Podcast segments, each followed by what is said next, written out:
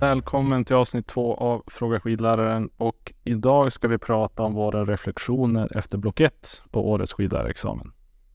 Jag heter Joel Baudin och med mig har jag Anna Norlin Berg, allmän badass på skidor och ordförande i examensnämnden.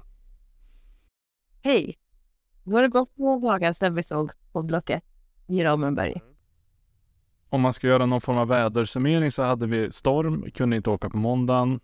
Tisdagen var utmanande, men med mycket snö. Och så sen var det två fantastiska dagar.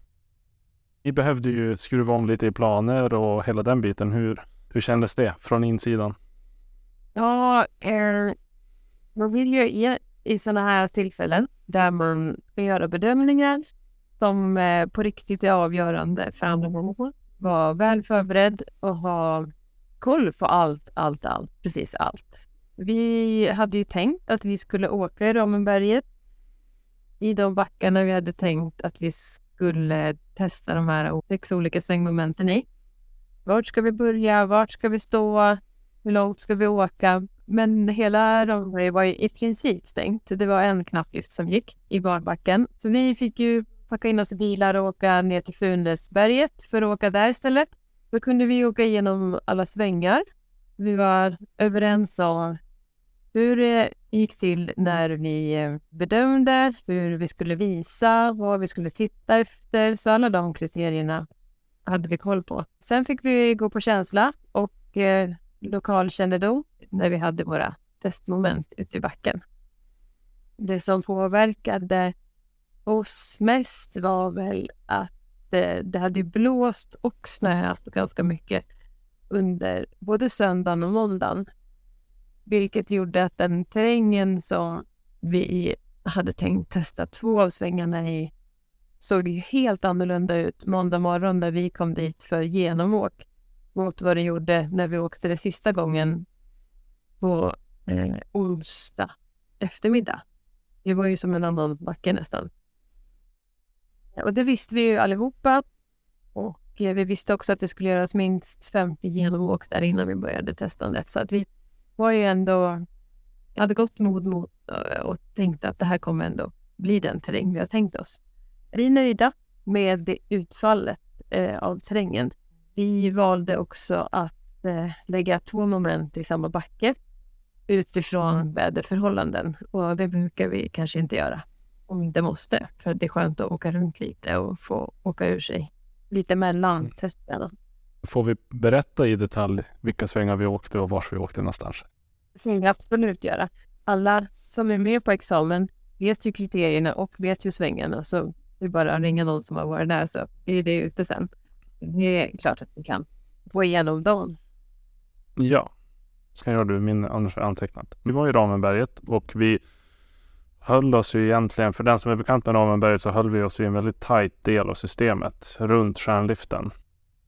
Vi åkte två svängar i Västhang, vi åkte två svängar i slalombacken och vi åkte en sväng i kortsvängen och sen en upp i ängarna. Om vi börjar i Västhang, där var det ju kortare svängar i opreparerad terräng, mellanstora svängar i opreparerad terräng med en till tre luftfärder. Mellanstora skiers left, kortare skiers right. Precis. Från början var det ju bara puder, men det var mycket snö i alla fall. Och så sen på onsdag eftermiddag så var det ju pucklar. I slalombacken så körde vi skärande svängar på skiers right och så körde vi den här specialsvängen. Sladd in, skär ut. Ja. Och sen körde vi vanliga kortare svängar i preparerad terräng i kortsvängen. Och sen var det mellanstora sladdande svängar uppe under eh, fjällgårdsbanan. Det som folk kallar för öst vi var 24 stycken som åkte. Vi delades upp i tre stycken grupper. Och vi cirka åtta i varje va? Mm, åtta i en grupp. För jag vet förra gången då pratade vi, då var det ungefär 44. Hur är administrationsbördan 24 gentemot 44? När det kommer till själva åkningen, då är det inte så stor skillnad. Så man åker med de grupper man har. Ehm, det är ju i rättningen av teoriproven som mm. det tar längre tid. Sen så hade vi i år, ja, fördel, nackdel, jag vet inte, men det blev så att vi var tvungna att bedöma våra faddergrupper eftersom vi bara hade tre grupper. Och i vanliga fall så brukar vi undvika det. om vi har fyra grupper. Och det ledde ju till lite intressanta dynamiker i de här äh, faddersamtalen på kvällarna. Att man inte riktigt, man måste undvika att prata om vissa grejer. Det var ju som etablerades redan första kvällen att då får man luta huvudsakligen på resten av gruppen. För det är ändå väldigt kompetenta människor och det tyckte jag fungerade väldigt bra. Vi vet ju inte hur det går i de andra grupperna. Vi examinatorer pratar ju inte om några resultat alls när vi eh, inte åker skidor. Så eh, därför ville vi också inte att man i faddergruppen skulle berätta vad man hade fått för poäng. Sådana där äh, trafikregler, separationen i liften till exempel. Hur värnar man om processen via sådana grejer? Fick man ju lära sig. Så är det ju bara. Att eh, vi åker inte lift med deltagaren under den här tiden. Av den enkla anledningen att alla deltagare ska få samma information. Något som jag har reflekterat på att det är ju en situation som man nästan aldrig sätts i annars. Jag har i alla fall tänkt jättemycket, hur kan man vara bättre förberedd för den pressen? Jag är otroligt tacksam för den gruppen vi fick. Och det kändes som att det delades genom hela, att det var, man kände sig aldrig ensam på så sätt. Nej, Men jag kan ju bara föreställa mig om det var mycket mer, om det var en mycket mer liksom individualistisk grupp. Och det är oss examinatorer att eh, värna om miljön i gruppen och att eh, skapa förutsättningar för att det ska bli ett klimat där man vågar vara sig själv och känna trygghet. Eh, så det är en viktig del som vi också ska bidra med. Och sen så den, den, hur man kan förbereda sig. Ett sätt att förbereda sig kan ju vara att eh, köra skidlärare-SM i puckel, storslalom, allt man vågar och törs i. För då sätter man sig ju i den här eh, yttersta situationen. Och ett annat tillfälle som jag själv upplevde när jag gick upp på min examen var ganska likt den här pressen. Det var när jag körde upp för körkort.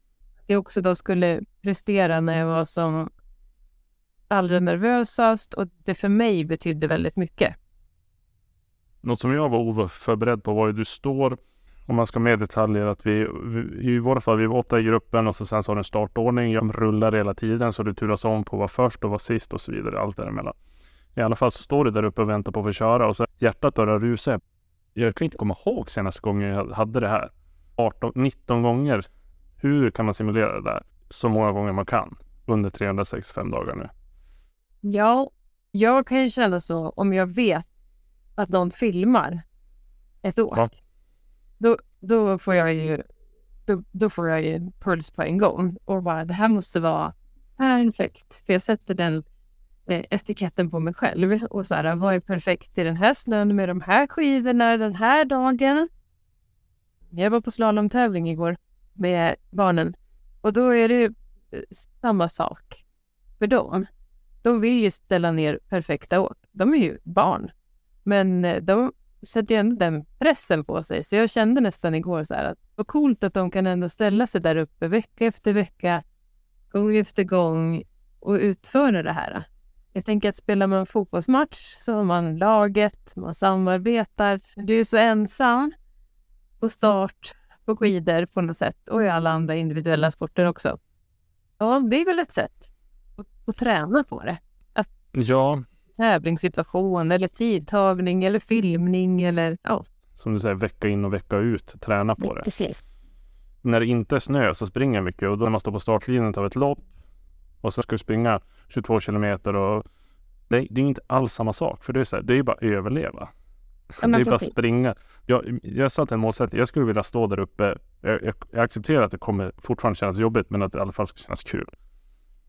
För det var något som slog mig i gruppen överlag att det var nästan 100% av alla bara så här, ja men, hela grejen.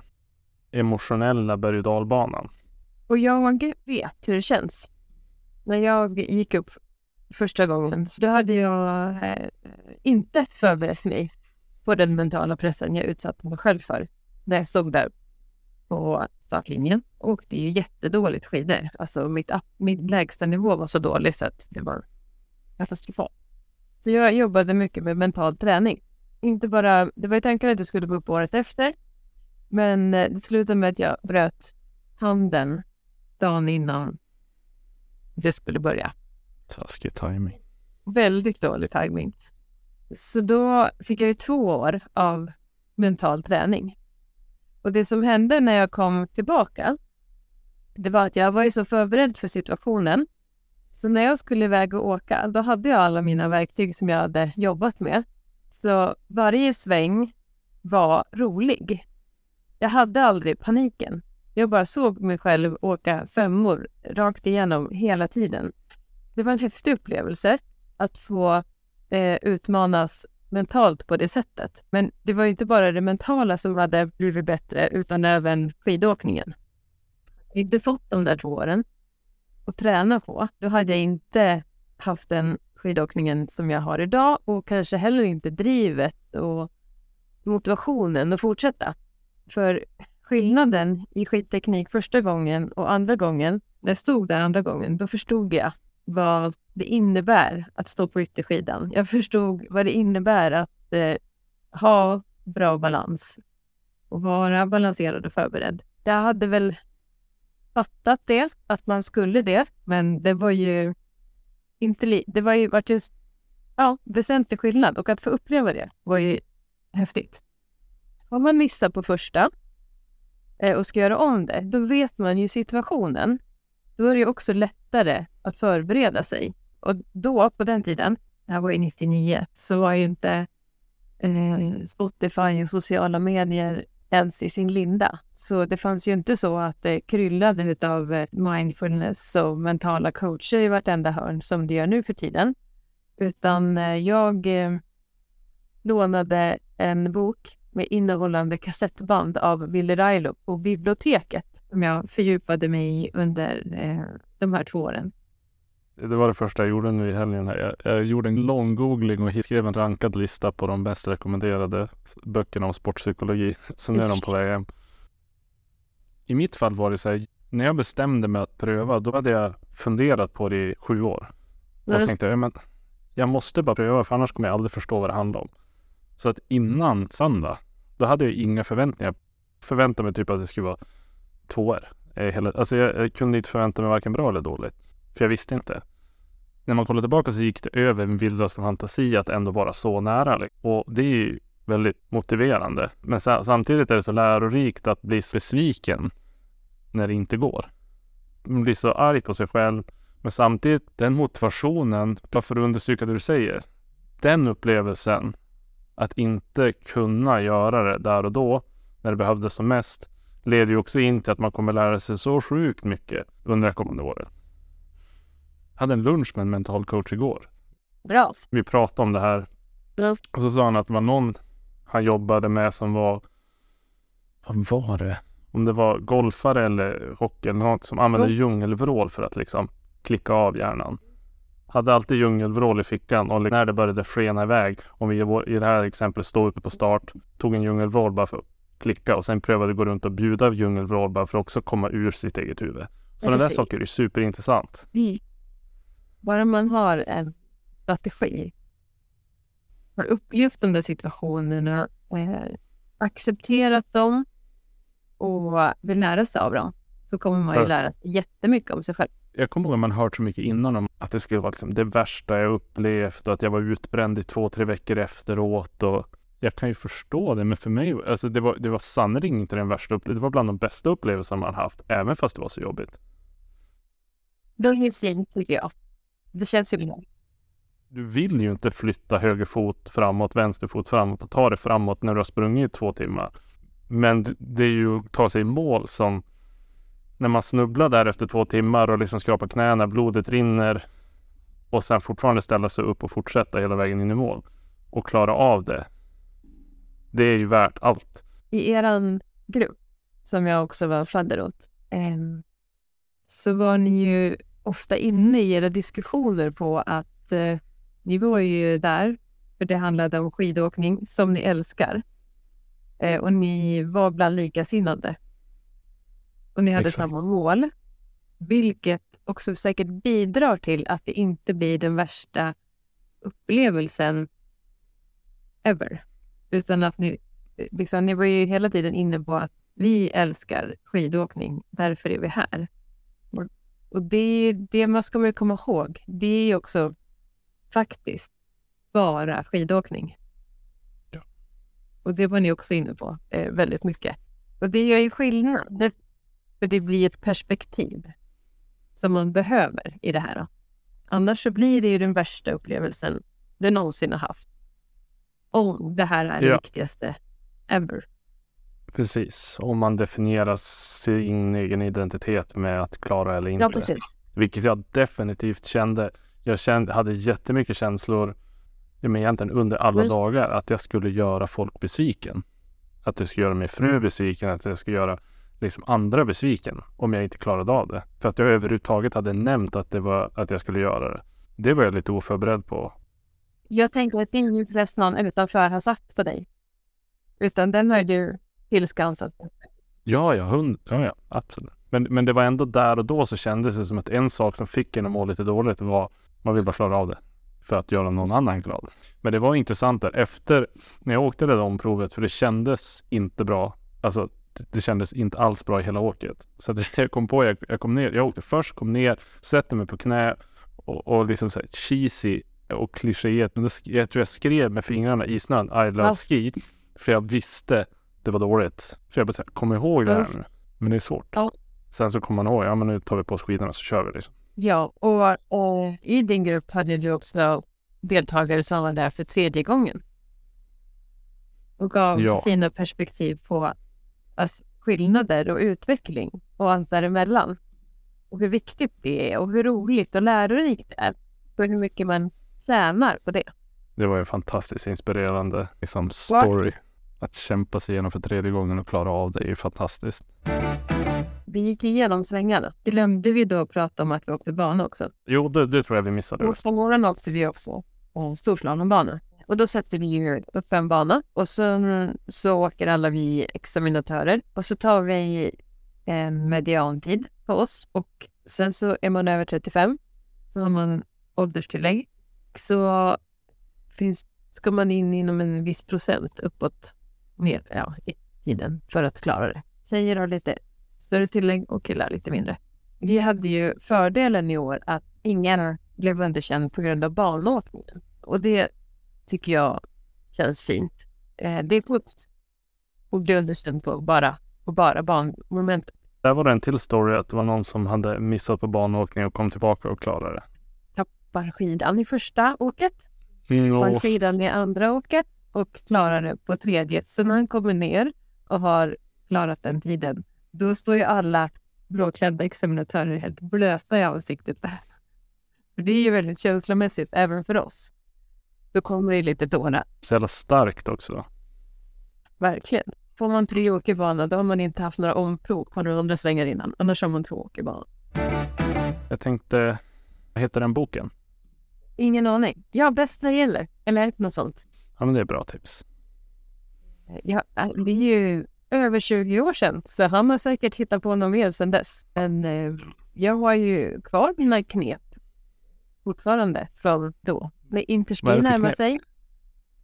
Ja, det vill inte jag säga. Och så vill man behålla dem också. Nej, men precis. Och så vill man också behålla dem eh, så här Ja. som en eh, så här, hemlig sten i fickan. Typ så här. Det är bara jag som kan det och vet det här. Så att det inte blir wow. när jag reflekterar tillbaka att jag var rädd för att engagera hjärnan för mycket i att fundera på hur jag ska förändra, vad jag ska göra annorlunda. Mm. Jag vill bara åka och hoppas att det är bra nog att det finns där. Mm. Och så sen så kände jag också att under åken kände mig så inkonsekvent. Att så här, det var ett bra åk och så var det dåligt åk. Och så vart det liksom, det var för mycket marginalspel. Ja, det är ju um, som att titta på en som åker i världscupen.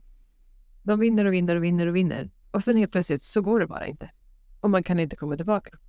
Man kanske måste åka på semester. Man kanske måste börja om. Man kanske måste ta en... Ja, du vet. Och sen så kommer de tillbaka. Och sen går det sådär. Och det är precis samma sak för oss. Fast vi är ju inte riktigt lika drillade i de här processerna.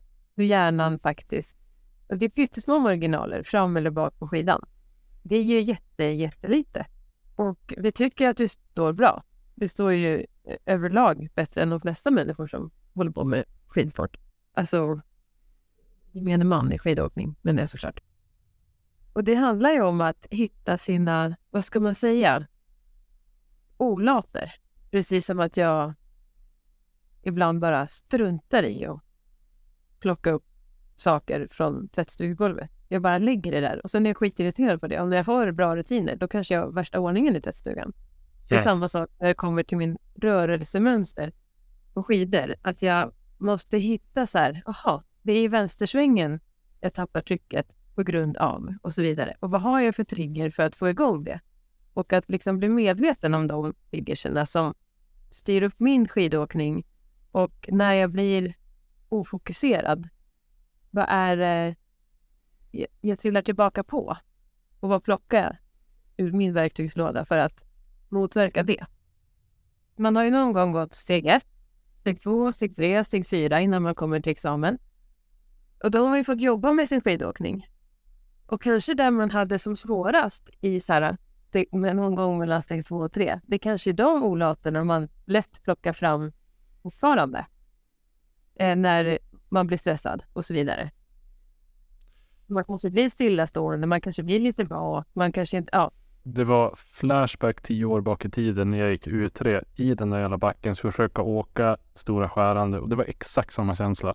Vad hade du för kursledare då? Ja, det var du. Det var en av mina bästa ledarupplevelser, även för att jag inte blev fixad. Men kontext var ju det att jag hade brutit lå- lårbenet jävligt brutalt mot slutet av vintern innan. Så att jag hade liksom att jag kunde lig- ligga i stora skärande svängar med ett försök till ett sträckt ytterben och det bara kollapsade. Så min hjärna hade liksom, du kan inte lita på det här. Men då så kändes det bara också sen bara mentalt, det känns inget kul att åka den här backen. Det känns bara, jag kommer dö. Jag trodde inte att jag skulle dö nu på examen, men det var så här, vill inte åka de här svängarna. Det Jag känns inget kul. Var det första dagen vi åkte ner eh, på genomåket så frågade jag sig, men hur är det egentligen? Ah, jag är nog mest rädd, sa du då. Någonting att jobba med. Jag var så förvånad för det har inte känts så hela säsongen innan. Äntligen har jag kommit över det här. Och så sen så kommer vi tillbaka som, och det är väl så i en stressig situation så som du sa, faller man tillbaka till vad har man för standard? Och jag är tydligen en rädd jävel som inte tycker om att åka skidor. Men återigen, den positiva varianten av det är ju, ja men vilken bra lärdom. Precis. Vi pratade för några dagar sedan och då, då sattes fröet att, ja men kan det ha någonting med skidorna att göra? För jag hade några, någon månad tidigare känt liksom att det var, det känns lite fladdrigt ibland. Så nu, nu är de på väg. Nu är det nya skidor på väg. Eh, Om inte annat så kanske det bara lurar hjärnan att tro att Men det är också så här, ju, mer, ju bättre skidor du har, desto mer krävs det av dig. Och du kommer direkt veta att så här, ah, nej, du kan inte hålla på med de här olaterna, för då funkar det inte. Utan ska du åka bra så måste du ha en bra skida. en sak som, jag tänker så här, konkreta saker som man kan ta med, något som jag tyckte fungerade väldigt bra i gruppen. Det var ju att, att det var ganska fort en miljö där man vågade prata ärligt, eller vad man ska säga. Man vågade uttrycka det som man behövde. Det, det beror ju förstås på gruppen om man känner om det är tillräckligt mycket trygghet. Men jag tänker att om man ska, för någon som ska gå upp på examen för mig, eller vad jag tar med mig, så här, okej, hur kan jag hur, hur kan man försöka skapa situation igen? För jag tror att det var en stor framgångsfaktor för den gruppen. För det var så pass många som ändå tog sig ganska långt. Jo, jo. Ja, Eh, precis. oavsett hur det hade gått så var det alltid innan något resultat hade meddelats så var det positivitet Precis. hela tiden och hela den biten för att sätta att, ja men lite grann tillbaka till att det är fortfarande kul oavsett hur det går. Kommer jag försöka ta med mig i alla fall. Hur kan man vara bidragande till den typen av miljö nästa gång också? Precis. Hur många var det som blev godkända? Elva. Det är ungefär hälften. Mm. Eh, och så här, om man vill testa på block ett, så ska man självklart göra det. Vad man ska tänka på, det är att man inte har för bråttom. Tid på skidor kommer göra att du kommer dit förberedd. Eh, och att du kommer kunna använda den kunskap du har tillskansat dig under de utbildningarna som du har gått. Snart, eller inte snart, men 20 mars är sista anmälan till block två i år, 2023. Och där borde ju alla som kan anmäla sig. Mm. Precis. Just nu finns det platser kvar. Har platserna slut innan det datumet så kan vi göra en reservlista och då öppnar vi upp för en grupp i taget. Kommer snowboardlärarexamen gå samma tidigt. som block två i Fondalen. Vecka 16 va? Vecka 16. Vi kan väl sluta där. Ja. Alla som har frågor om skidlärare eller examen eller ledarskap, skicka frågor till fraga.skidlärare.org så svarar vi på dem när de kommer in. Och eh, kom ihåg att prenumerera på podden så att ni ser när det kommer nya avsnitt. Så, tack så mycket för idag. Detsamma.